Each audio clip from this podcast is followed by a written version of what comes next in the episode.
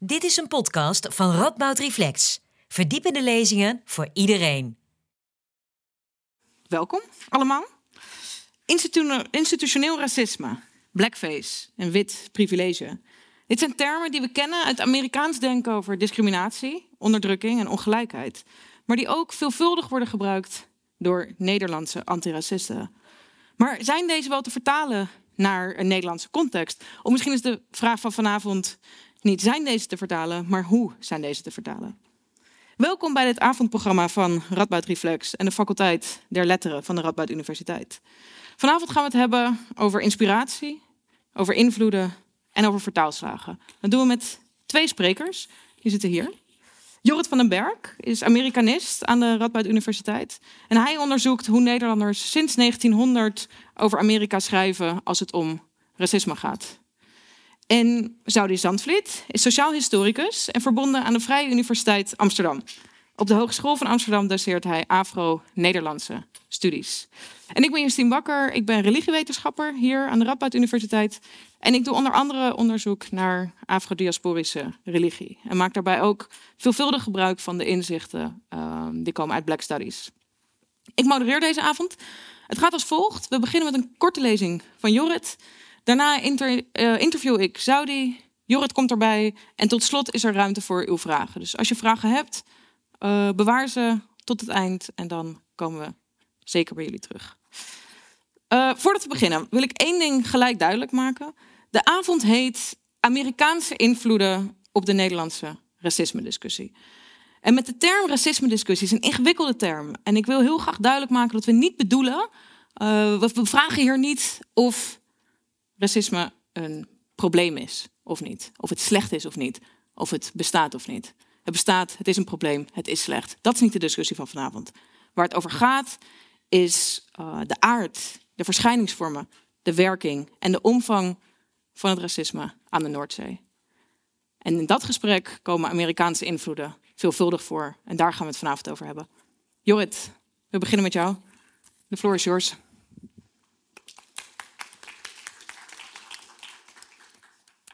Dankjewel Justine, dankjewel uh, iedereen dat jullie hier vanavond zijn.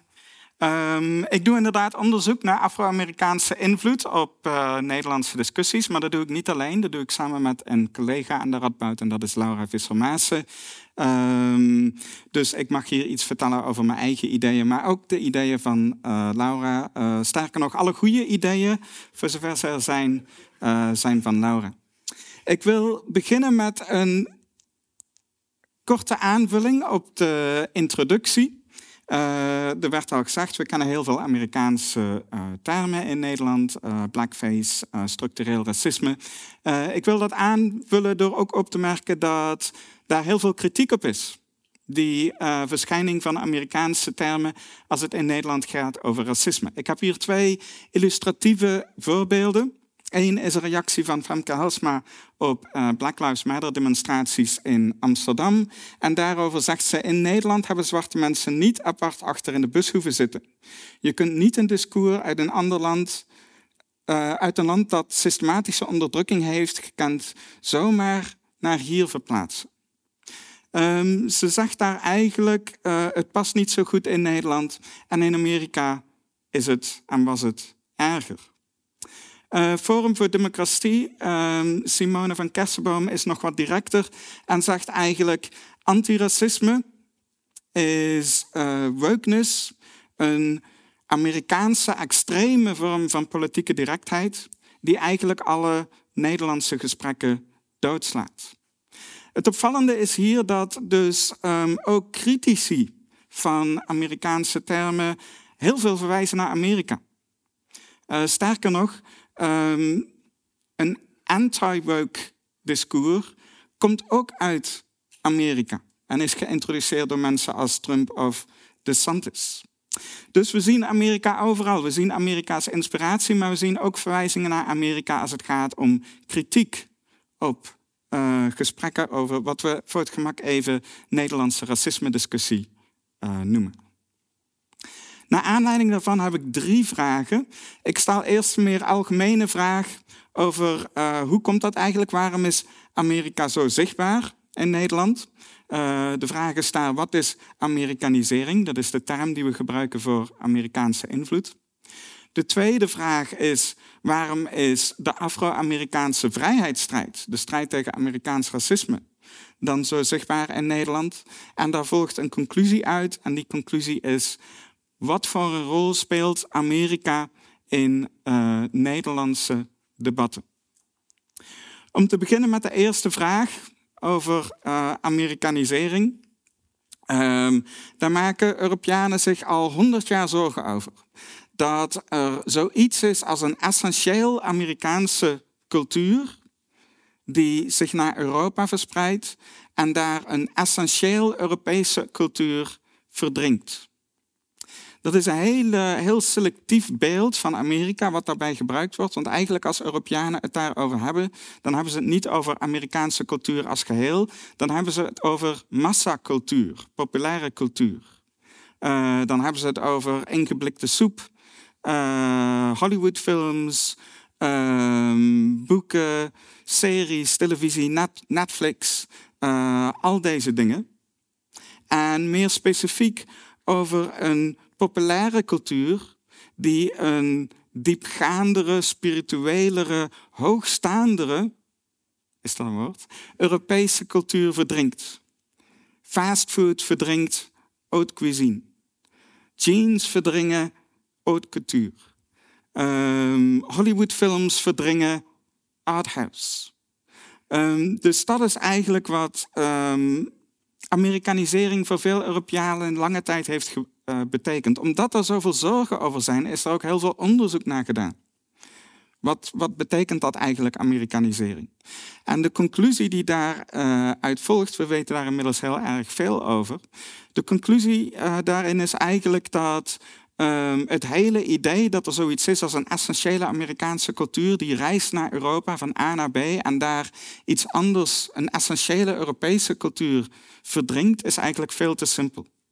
Alle cultuur, waar ook ter wereld, is het resultaat van circulatie van culturele vormen. En met culturele vormen bedoel ik van alles, bedoel ik kleding, muziek, uh, films, uh, taal. Die reizen, die circuleren, die gaan niet alleen van Amerika naar Europa, ook van Europa naar Amerika, ook van India naar Amerika, naar Europa enzovoort. En op lokale plaatsen, op, op specifieke momenten, hybridiseren die worden die samengevoegd en vormen ze iets nieuws. Iets wat niet meer Amerikaans of Europees is, maar iets lokaals, iets Nederlands. Bijvoorbeeld. Dus dat is het eigenlijke proces zoals dat plaatsvindt. Dus een heel simpel voorbeeld. Um, fastfood, de ontwikkeling van fastfood, zou je kunnen zeggen, is, is begonnen in Frankrijk in de 19e eeuw, toen Franse kok de vijf, koks de vijf moedersauzen ontwikkelden. Vijf sauzen die je snel met een paar standaard ingrediënten in elkaar kunt draaien. En dat is naar Amerika gereisd, is weer naar ons teruggekomen. Um, dus het is een circulatie. En massacultuur is ook niet iets essentieels Amerikaans, het is iets internationaals, wat zich in zowel Europa als Amerika um, heeft gevormd. Um, desalniettemin is Amerika heel zichtbaar heel uh, invloedrijk binnen internationale massacultuur. En in Nederland en Europa is eigenlijk het idee ontstaan dat uh, massacultuur, dat is Amerikaans. En Amerika, dat is massacultuur. Dus uh, Nederlanders hebben heel lang Amerika gezien als een soort van referentiepunt voor wat is massacultuur, wat betekent het om in een massa populaire cultuur uh, te leven. Maar hingen daar wel allerlei van hun eigen waardes aan op. Wat, wat betekent dat eigenlijk? Voor de culturele Europese elite betekende dat een Europese, betere Europese cultuur wordt verdrongen. Voor heel veel andere Nederlanders en Europeanen betekende dat eigenlijk was massacultuur vrijheid. Vrijheid van ouders. Vrijheid van uh, culturele elites. Dus wat het nou eigenlijk betekent, Amerikanisering, wat Amerika nou eigenlijk betekent, dat bepalen Europeanen nog steeds zelf. En de uh, Nederlandse Amerikanist en socioloog Rob Kroes heeft dat mooi verwoord. Hij zegt, Amerikanisering moet gezien worden als het verhaal van een Amerikaanse culturele taal die reist en andere mensen die die taal eigen worden. Wat ze daarmee zeggen, is een heel ander verhaal. Wat dat precies betekent, dat zullen we ook tegenkomen als we het hebben over de zichtbaarheid van Afro-Amerikaanse cultuur. En dan focus ik even vooral op verzetscultuur, protestcultuur, de zichtbaarheid van Afro-Amerikaanse verzetscultuur in Nederland. Dat is niet iets wat we pas kennen sinds uh, Black Lives Matter. Dat gaat ook al heel erg ver terug. Um, in Nederland, maar ook in Europa, is er sinds de Tweede Wereldoorlog eigenlijk al een ontzettend grote fascinatie voor uh, Afro-Amerikaans verzet tegen Amerikaans racisme. Um, daar zijn een aantal redenen voor, een aantal specifieke redenen waarom dat zo is. Dat heeft te maken met Amerikaanse acties, dat heeft te maken met uh, propaganda van de Amerikaanse overheid tijdens de Koude Oorlog. Die zeiden van, oh weet je, Amerikaans racisme, niks te zien, uh, het is allemaal niet zo erg. Dat heeft te maken met uh, activisten zoals Martin Luther King, die op zoek gingen naar internationale bondgenoten. En dat heeft natuurlijk ook te maken met Afro-Amerikaanse cultuur, muziek, literatuur, kunst, die uh, zich samen met Amerikaniseerde zichtbaarheid van Amerikaanse cultuur uh, verspreiden. Wat heel belangrijk is, is dat um, deze uh, Afro-Amerikaanse cultuur, waar we uiteindelijk termen zoals racisme of rassendiscriminatie of structureel racisme uit kennen, die zou zich niet in Nederland geworteld hebben, tenzij het iets voor ons betekent. Want het betekende iets voor Nederlanders, Afro-Amerikaanse cultuur en Amerikaans racisme. Uh, wat het betekende tijdens de 20e eeuw, dus voor de 21e eeuw, was het eigenlijk zo dat um, er was natuurlijk authentieke solidariteit met Afro-Amerikaanse mensen, met um, mensen in de burgerbeweging in uh, de Verenigde Staten. Maar een groter cultureel fenomeen is toch eigenlijk dat Europeanen zich na de Tweede Wereldoorlog schuldig voelden, heel veel moeite hadden om nazisme en de Holocaust te verwerken. En eigenlijk probeerden om racisme uit te bannen uit Europa, om er niet meer over te praten. Het woord ras verdween zelfs uit de Duitse taal. En er ontstond een soort van uh, mythe dat, oké, de holocaust, maar daar hebben we van geleerd. We weten nu dat racisme slecht is. En op een hele wrange manier was het dan voor Europeanen heel bevredigend om te zien dat in Amerika wel racisme bestond. En daar consumeerden we heel veel van. Nieuws uit Amerika over Amerikaans racisme en de, en de strijd daarover um, was heel bevredigend in de context van een Europees inferioriteitscomplex. Oké, de Verenigde Staten is machtig, rijk, cultureel invloedrijk, maar ook racistisch. En wij niet. Europa niet. Racisme is iets Amerikaans. Um, dus dat was ook een gegeven het consumeren van, zal ik maar even zeggen, de Afro-Amerikaanse vrijheidsstrijd in Europa, eh, sorry, in de Verenigde Staten, tegen racisme in de Verenigde Staten, die voor Europeanen iets zei over onszelf. In tegenstelling tot Amerika zijn Europese landen niet langer racistisch. Um, de Nederlandse, oeps, die slaan we even over. De Nederlandse antropologe Gloria Wekker heeft dat goed gezegd. Zij zegt: de dominante manier waarop Nederlanders hun land zien, is als een klein, maar rechtvaardig ethisch land. Kleurenblind en daarom vrij van racisme. Racisme vindt ergens anders plaats, in de Verenigde Staten, in Zuid-Afrika, in Groot-Brittannië, maar niet hier. Dus Amerikaans racisme, de zichtbaarheid daarvan, de culturele processen waardoor deze talen over racisme Nederland binnen zijn gekomen, uh, dat is een gevolg van ja, Amerikaanse invloed, maar ook um, wat Amerikaans racisme betekende voor ons zelfbeeld als Nederlanders. Wat betekent dat voor Amerikaanse taal, Amerikaanse symbolen, die ehm, de laatste 20, 30 jaar steeds meer gebruikt worden in uh, wanneer Nederlanders racisme in hun eigen land proberen te duiden. Het eerste wat ik wil benadrukken is dat de strijd tegen racisme in Nederland al veel ouder is dan Amerikanisering. Onlangs was de uh, Curaçaose verzetstrijder Tula nog in het nieuws. Dus het gaat al honderden jaren terug.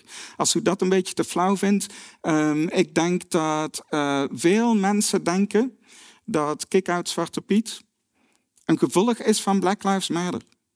Maar die beweging tegen Zwarte Piet gaat al minstens terug naar de jaren 70. En uh, protesten uh, onder de Surinaams-Nederlandse gemeenschap tegen Zwarte Piet. Het is al een halve eeuw oud. Uh, plaatje wat u hier ziet is een affiche uit de jaren 80. Veel van die dingen weten we niet. Het zelfbeeld van Nederland is kleurenblind. We weten niet veel over onze eigen antiracistische geschiedenis. We weten niet veel over antiracistische leiders in Nederland.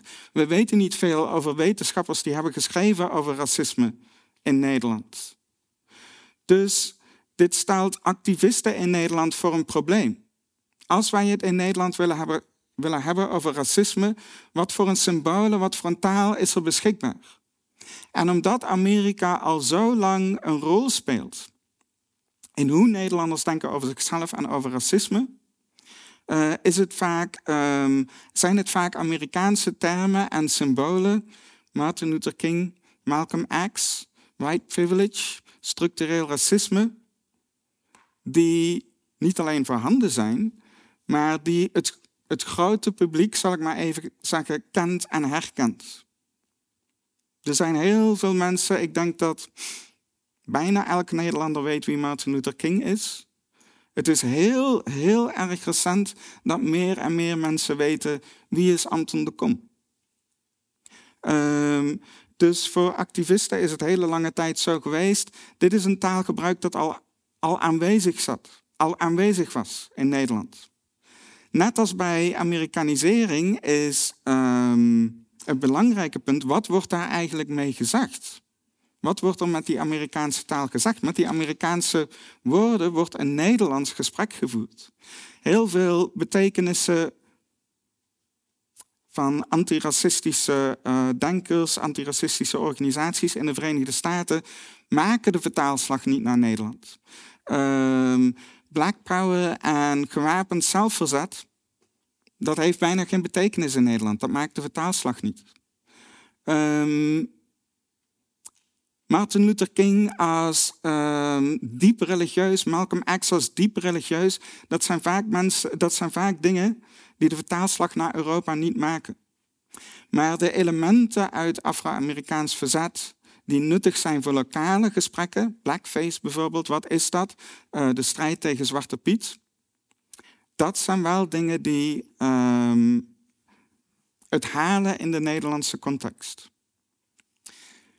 Mijn laatste quote. Ehm, de uh, Britse socioloog Gary Young heeft dat goed verwoord. Hij zegt: zwarte Europese activisten proberen Europa's bredere culturele obsessie met de VS, dat was er al, brede culturele obsessie met de VS toe te passen om hun eigen politieke gevestigde orde te onderwijzen in lokaal racisme.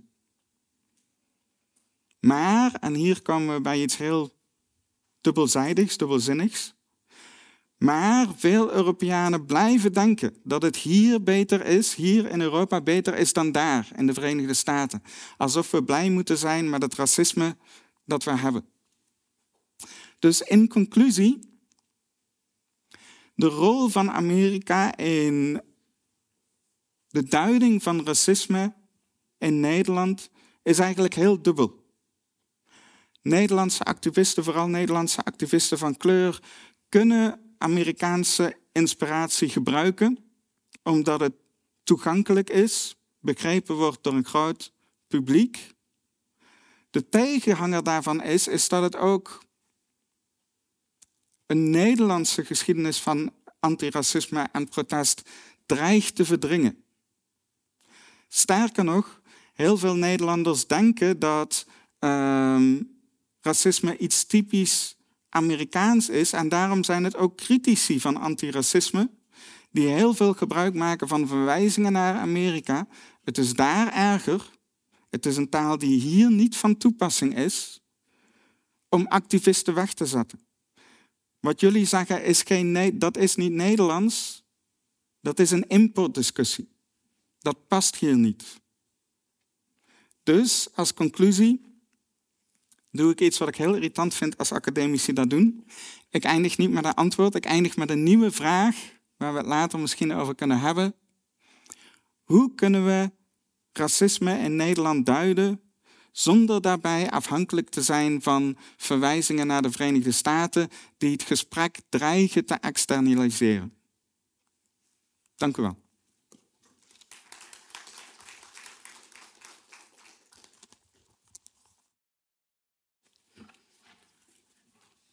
Veel dank, Jorrit. Uh, ik stel voor dat we zo meteen terugkomen op uh, die vraag. En uh, zoals gezegd, als jullie vragen hebben, hou ze vooral even vast. Um, we gaan nu door naar het tweede deel van vanavond. Um, Saudi, goed dat je er bent. Uh, Saudi is socioloog, sociaal historicus.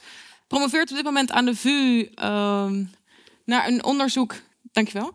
Een onderzoek naar landonteigening in 17e en 18e eeuw Suriname. Ja, zeg ik dat goed? Oké. Ehm, en is een aantal jaar geleden naar Boston gegaan uh, op een Fulbright scholarship uh, om daar African American Studies te doen en heeft die kennis meegenomen naar Nederland om hier het vak Afro-Amerikaanse, of sorry, Afro-Nederlandse, sorry, Afro-Nederlandse studies op te richten. Daarom is hij hier en daar gaan we het over hebben. Stof dat je er bent. Thanks. Wat is Afro-Nederlandse studies? Uh, goedenavond. Uh, Afro-Nederlandse studies is een, uh, een, vak dat ik heb opgericht in 2018. Um, een vak in, één zin, uh, dat zeg ik meestal. Het is een vak dat gaat over de geschiedenis en hedendaagse realiteiten van Afro-Nederlanders, van zwarte mensen in Nederland. In één zin. En wat, wat, wat um, twee vragen heb ik. Het eerste is waar, waarom dit vak? Waarom was het voor jou noodzakelijk om dit vak op te richten? Ja, ja. dus ik ben, uh, ik, ben, ik ben door het hele Nederlandse onderwijssysteem uh, gegaan. Ja, basisschool, middelbare school, uh, universiteit. En um, als, als, als kind van een, van, een, van de voormalige kolonie Suriname en, en, je groeit op in een Surinaams huishouden, dan weet je dat er iets is met slavernij. Je weet dat er iets is met kolonialisme, want dat krijg je van huis uit mee. Maar dan kom je op school en je ziet er helemaal niks van. Uh, niet in de geschiedenisboeken, middelbare school ook niet, of heel weinig. Uh, we kennen het verhaal misschien wel van, oh, het, het wordt weggezet uit één paragraaf. Uh, meestal is dat ook nog niet eens een hele goede paragraaf. Mm -hmm. Uh, de driehoekshandel. Afrikaanse mensen hebben zichzelf verkocht en wij gingen daarheen met, uh, met, met, uh, met, met glazen en, en, en, en kentekloot. En dat hebben we aan hun gegeven voor, voor mensen. meestal dus niet een hele goede paragraaf. Mm. Maar het, meeste voorbeeld, het beste voorbeeld wat ik meestal geef is zeg maar, toen ik sociologie studeerde. Um, heb je het boek Vergennis, de uh, uh, Big Social Theory or something like that. En de eerste drie hoofdstukken zijn Weber, Durkheim en Marx. En hoofdstuk 4 is W.E.B. Du Bois. Uh, zwarte Amerikaanse denker, schrijver, filosoof, historicus, activist, uh, oprichter van de NWSACP. Geweldige concepten bedacht, zoals double consciousness, uh, the color line, the veil. Um, en, en, dat hoofdstuk sloegen we over. Ja. wat, wat, dus, dus, als een van de zwarte studenten in een collegezaal van 120 andere studenten, dacht ik, oh, dit, is, dit is een beetje gek.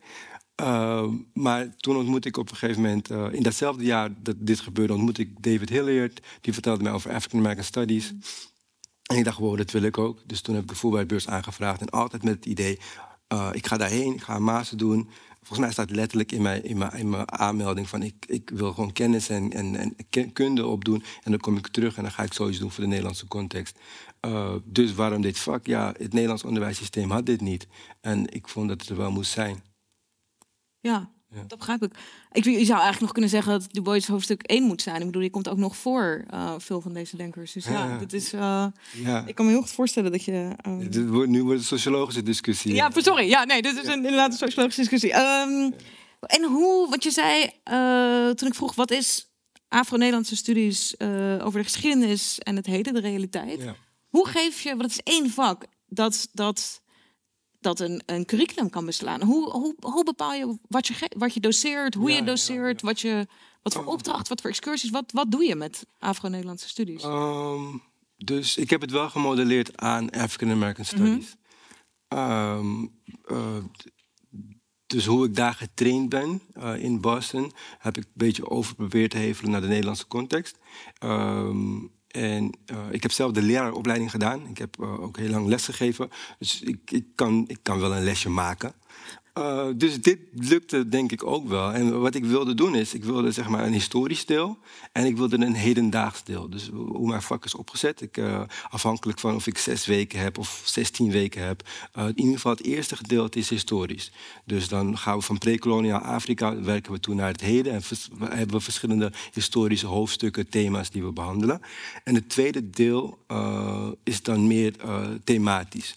En dan uh, werken we met, uh, met heel veel gastdocenten. Dus dan hebben we het bijvoorbeeld over hoe kruisen ras en artificial intelligence mm elkaar? Hoe, uh, wat, wat, waarom is er een lage politieke representatie in de Tweede Kamer als het gaat om Afro-Nederlanders? Uh, we hebben het ook over kunst en cultuur. Uh, we hebben het ook over spiritualiteit. We hebben het ook over mental health.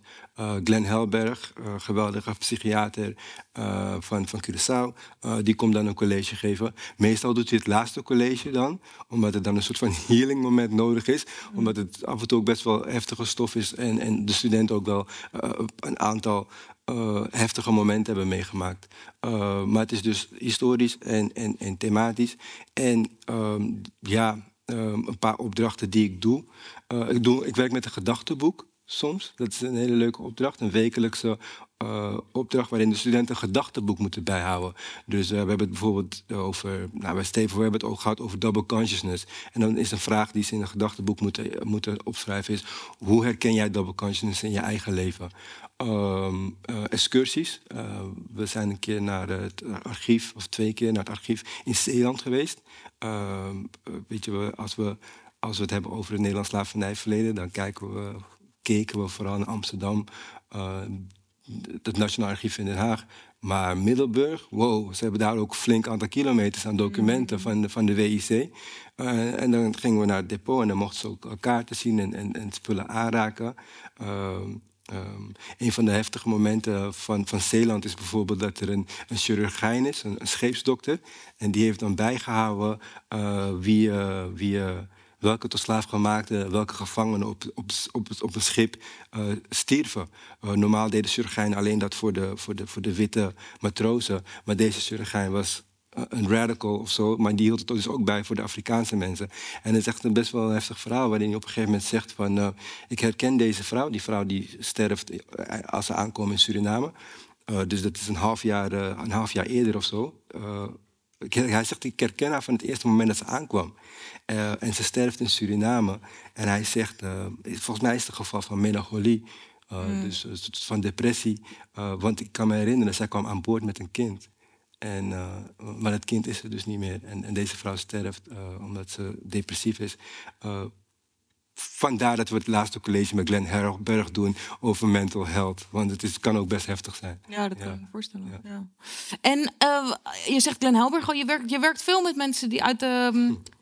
Uh, niet uit de academie komen. Ik, dat, dat, dit, is een, dit lijkt een bewuste keuze die ook iets zegt over expertise en over kennis. Uh, kun je daar uh, ja. wat meer over vertellen? Ja, ja zeker.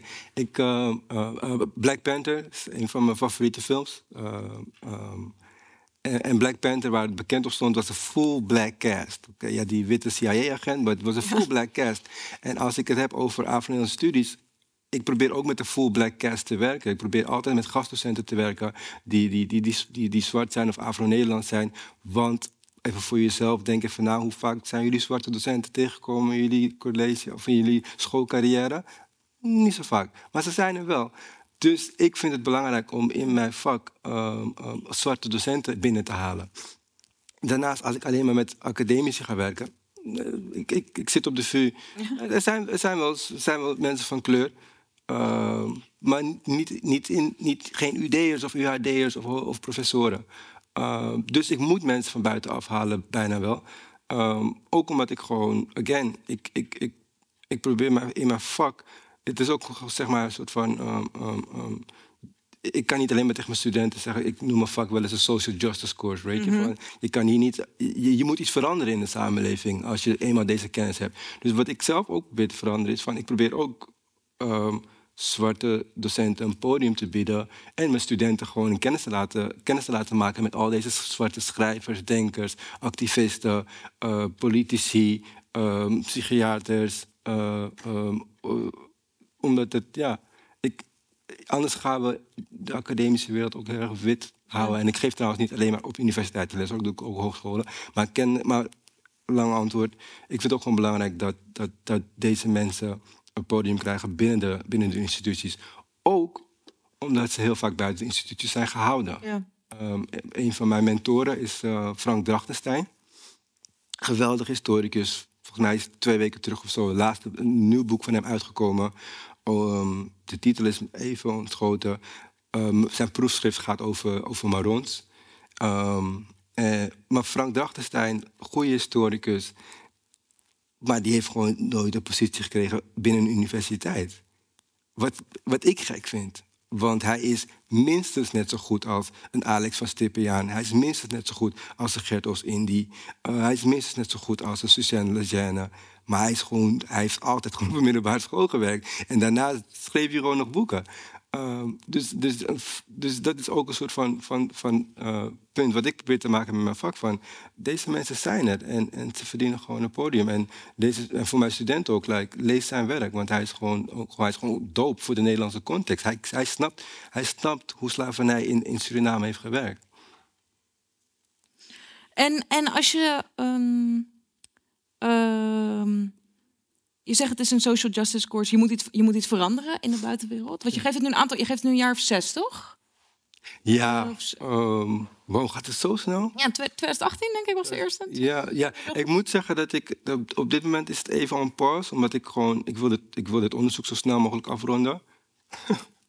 ja. Ik hoop dat het lukt. Uh, maar en dat ik daarna weer uh, het, het, vak kan geven. Um, omdat het, ik, ik, ik, heb het één keer gedaan terwijl ik uh, bezig was met, ja, had ik, met les. Het is gewoon heel moeilijk, want voor mij is het ook gewoon een side job eigenlijk. Ik krijg een x aantal uur ervoor, maar ik, ik doe het niet, zeg maar, ik betaal echt niet mijn rekening hiermee. Um, um, dus het, het, gaat, het zal afleiden van, van promoveren. Dus nu doe ik het eigenlijk even niet. En, maar je hebt dus je hebt drie, vier jaar studenten gehad. Wat voor, wat voor studenten komen, komen hier op, op af? Voor wie, is de, of voor wie heb je de, de, laat ik het anders vragen, voor wie heb je de cursus uh, gemaakt? Wat is, wat is je droomstudent? Zeg maar? wie, wie wil je binnenhalen? En, wel, en zeker als je een podium wil bieden, voor wie, voor wie wil je dat doen? Ja, ja, ja, ja, ja. Dit vak is voor mezelf. Ja. Klinkt heel gek misschien, maar dit vak is voor 22-jarige Saudi. Dit is een vak wat ik had moeten kunnen krijgen, maar het was er niet. Dus als ik achter mijn bureau zit en ik zit denken van... oké, maar welk thema gaan we dit jaar behandelen? Maar dan denk ik van, oké, maar wat, wat, wil ik weten, right? Met wie wil ik in gesprek? Welke gastdocent wil ik zien? Ik zit meestal ook gewoon vooraan het meeste voor te schrijven, volgens mij, mee te schrijven. Mhm. Ehm, maar, dus het vak is in, in, in eerste instantie voor mezelf. Um, voor de 22-jarige zou die, die dit vak had moeten kunnen krijgen. Maar wie komt erop af? Uh, het zijn meestal, ja, gewoon universiteiten zijn, uh, zijn behoorlijk wit. Mhm. ja. Dus er zijn veelal witte studenten, maar het zijn wel studenten die, vooral na Black Lives Matter zag ik trouwens een hele grote groep studenten die, die gewoon al Gloria Wekker hadden gelezen. Of alleen alle Philomena Asset kenden. Dus het is ook wel een soort van nieuwe groep studenten waarvan ik dacht van wauw, jullie zijn echt al, jullie zijn echt al verder. Het gesprek begint al een stukje hoger. Dus het zijn, en het zijn ook wel vaak gelijkgestemden hè, die elkaar vinden en, en het ook heel fijn vinden in het college. Uh, bij, bij mij en, en, en als groep gaat altijd een groepsapp komt altijd een groepsapp tot stand. Ik weet niet waarom, maar ze hebben altijd mijn foto als, als achtergrond. I don't know why. Um, um, en, en ik heb het ook op hogescholen gegeven. Uh, ja, de HVA bijvoorbeeld is mm wel een stuk diverser. Dus daar zie je ook wel veel, veel studenten van kleur. Ehm, maar het is, een, het is een mix van, van, uh, van studenten. Ik weet nog wel dat ik dit een keer nou, een soort van ging pitchen bij de onderwijsmanager van de HVA. En uh, ik, had hier nog, ik had hier nog nooit over nagedacht. En hij zegt tegen mij: Ja, maar is dit vak dan ook voor witte studenten? En, uh, ja, natuurlijk. Ik, maar ik had er gewoon tot, tot, op dat moment had ik er niet over nagedacht. Want ik had niet zozeer. Ik ga niet zeggen, ik zie geen kleur. dat ga ik niet zeggen. Maar ik had niet gedacht, ik had niet gedacht van nee, dit is niet voor witte studenten. Want ik had, ook al, ik had het al gegeven op de HVA. Op de, op de UvA en daar kwamen witte studenten op af. Dus um, het is voor mensen die geïnteresseerd zijn in um, um, de zwarte ervaring in het heden en in het verleden in, in Nederland. In alle disciplines? Zit, het ingebed in een, in, een, in een discipline? Of komt het in principe komt iedereen, want dan krijg je ook hele... De thema's zijn enorm interdisciplinair. Dus je ja, krijgt heel ja, veel verschillende... Uh, waar ik nu op de UvA het meeste connecties mee heb, is uh, met uh, het Instituut voor Interdisciplinaire Studies. Dus daar heb ik ook het laatste gegeven. En daar heb je echt, ja, dat is ook mooi. Weet je. In het eerste keer was het ook heel open voor iedereen. Dus had ik iemand die Frans studeerde en iemand die PPLE studeerde, like Public Policy, Law en ik weet niet waar die even staat. Uh, economics? Economics? economics. Ja. I wish it was education. Ja, maar dat is het niet. It's, economics. Sorry voor de economen. um, um, dus nee, ik probeer ook wel altijd te zeggen van... Hey, mijn vak moet open zijn voor iedereen. Ja, ja, uh, ik, toen ik het op de HVA gaf, uh, was het veelal social work. Mhm. Omdat zij betaalden. Uh, maar ik zei, als je een paar plekken over hebt... Laat, alsjeblieft laat ook gewoon andere mensen van andere studies binnenkomen. Want dit, dit, dit vak gaat ook gewoon in principe gewoon over een menselijke ervaring. Hè? Dus het, het, je kan het op zoveel thema's toepassen. En je, en je zei net dat um, je een verschil, of in ieder geval zo hoor, begreep ik het, dat er een verschil was na Black Lives Matter, waarmee 2020, George Floyd. En dat je, want je gaf het voor het eerst daarvoor al, en dat je een duidelijk verschil merkte. Dus dat had een invloed ook op het, op het vak en op de, de studenten die er zaten. Dat was merkbaar voor jou. Ja, ik vond het wel. Ik merkte dat het een groep was die, die, gewoon door, door wat ze hadden gezien, denk ik. En omdat ze op de dam hadden gestaan of waar dan ook hadden gestaan. Uh, het theoretisch werk, uh, de, de, de, concepten wel al mee konden spelen. dat vond ik wel interessant om te zien. Ja, dat kan, ja. ja dat kan ik me voorstellen. Um, en dit, deze avond gaat natuurlijk over Amerikaanse ja. invloeden. je bent zelf naar Boston gegaan. Hoe, hoe, hoe was dat? Een, een, een introductie in African American Studies. Want het is een hele master, toch? Niet een vak daar. ik heb een hele master daar gedaan. Ik heb een hele master gedaan. Uh, hoe, Ja, hoe, hoe, was het om daar, vooral als je uit, uit een Nederlandse situatie komt waar je dit zo hebt gemist, om dan ja. dat vak. En heb je de hele tijd Nederland in, in je achterhoofd gehouden? Was het een... Nee, uh, nee, want uh, mijn scriptie ging over de Black Panther Movement. Okay, ja. um, dus ik liet Nederland ook wel op een gegeven moment een beetje los. Um, uh, maar, maar hoe, was, hoe was Boston? Of, ja, Boston, ik moet eerlijk zeggen, ik heb geen idee eigenlijk over Boston. Ik zat vooral in de bibliotheek. ik, heb, ik lijk echt waar ik switch, ik zou verdwalen daar.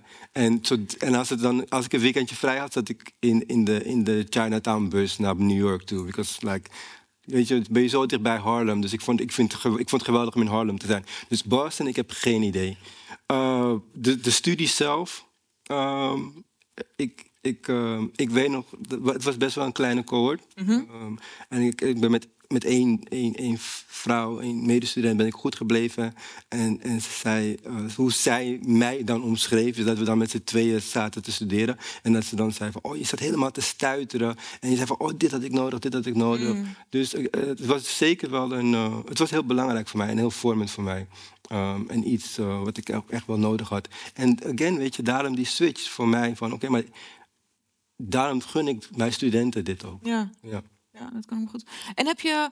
Um, um, het is African American Studies, dus het is gefocust vooral op de Verenigde Staten, neem ik aan. Uh, African American Studies? Ja, ja, exactly. ja, ja, ja, ja, ja, dat is ook wel een van de kritieken. Hè? Ja, zeker. Ja, ja. Um, En oh, welke vertaalslagen heb je moeten maken? Want je hebt, je, als je dan weer terugkomt in Nederland, um, als we het hebben over termen, als we het hebben over geschiedenissen, wat, hoe heb je dat, hoe heb je dat vak daarna in Nederland opgezet? Wat heb je moeten. Kijk, ik weet, weet wat ik een hele belangrijke vraag vond en wat me ook heel erg heeft gestuurd. Hè? Uh, dus hoe ik ben opgeleid in Boston is. Um, um, uh, ik weet ook, ben, ben, jij, ben jij in de National Museum for African American History geweest in Washington? Zeker. Ja. Nou, als je ooit in Washington bent, geweldig museum over de Afro-Amerikaanse geschiedenis. Um, um, en het mooie van de, van het museum is dat het, het heeft een narrative. Het heeft een verhaal. Je begint in de kelder en je eindigt met black excellence. Je eindigt met Obama. Iedereen moet Obama worden of something. I don't know. Maar het is een heel mooi. Het is een heel mooi. Het is een, het is een narrative. En um, toen keek ik naar de, de, zwarte geschiedenis in Nederland. En voor mezelf dacht ik, oké, dus ik ben opgeleid met het idee in, Boston. Um, so you have pre-colonial Africa, then you have slavery, dan heb je Reconstruction.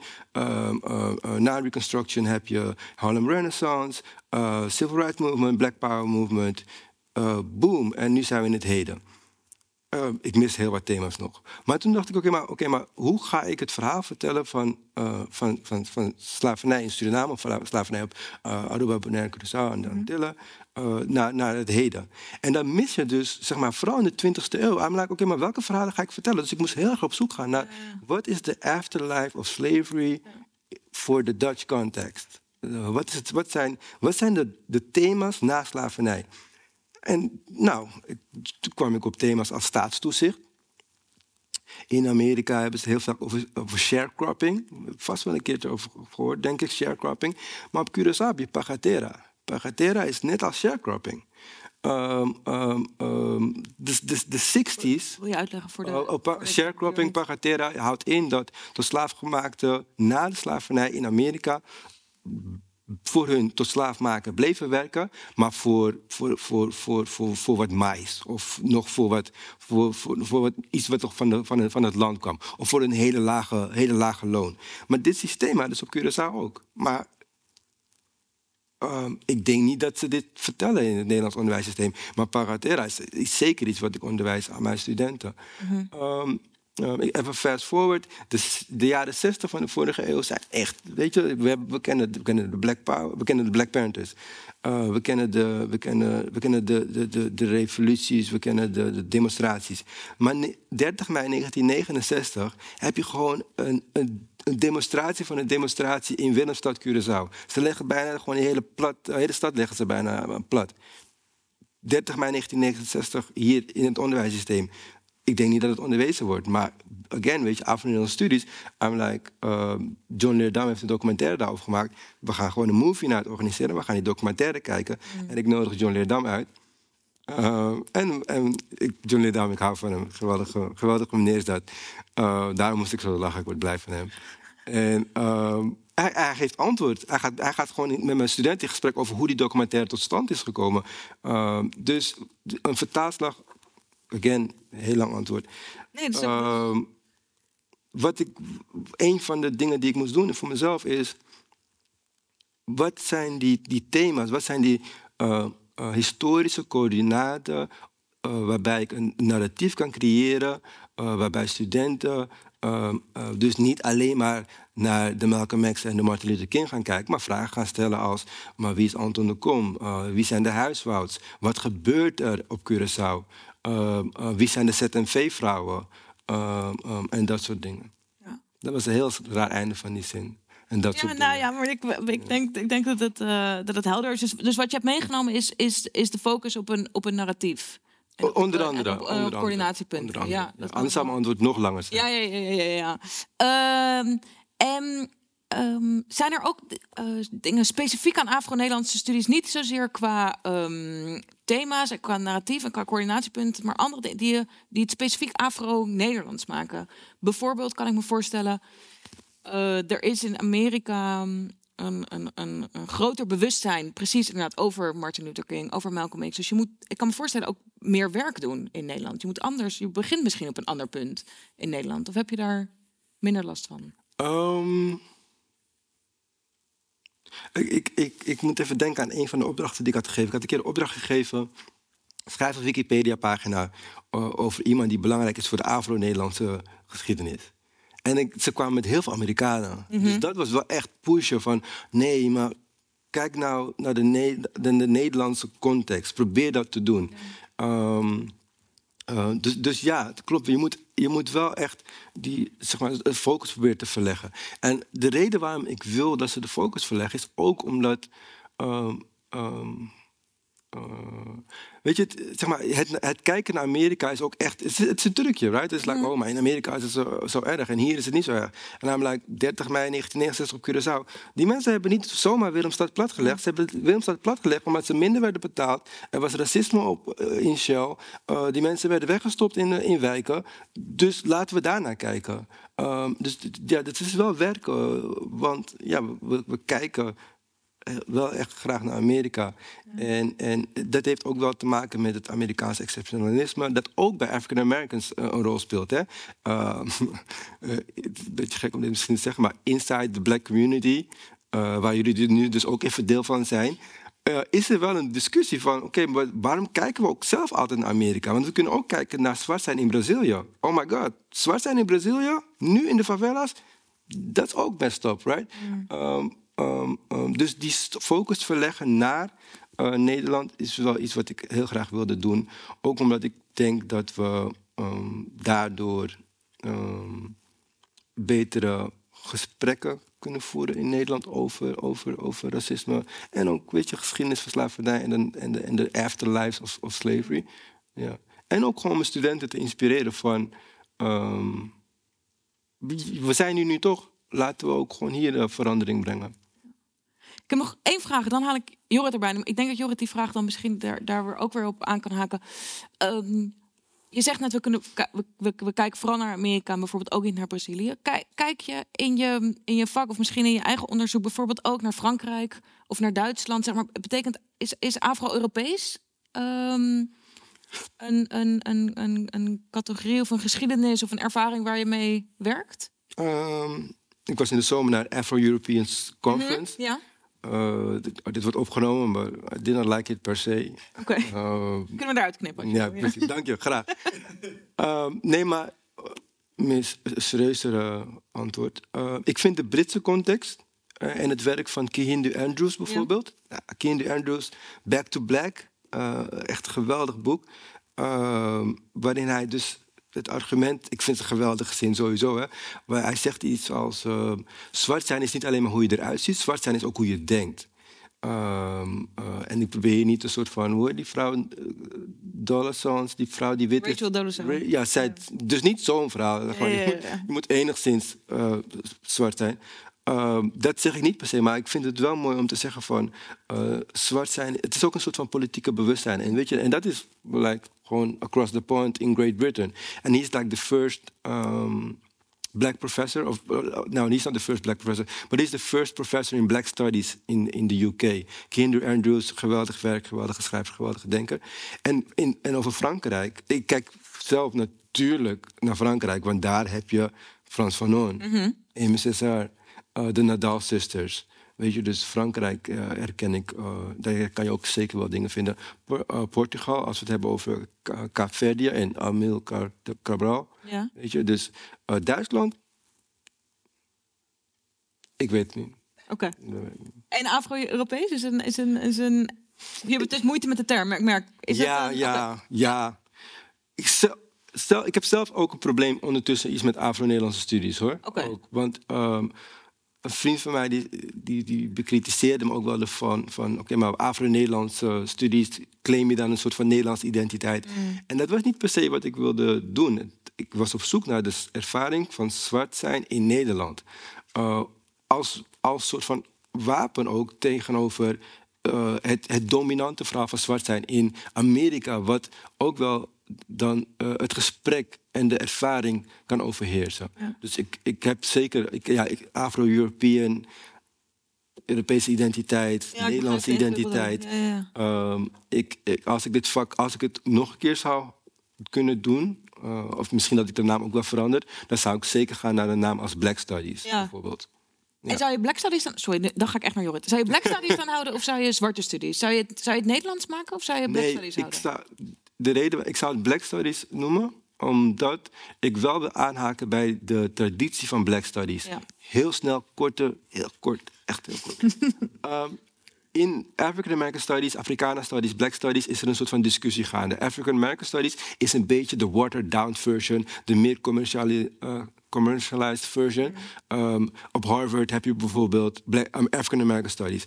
Maar toen het in de jaren 60, 70 in de vorige opkwam, toen was het Black Studies.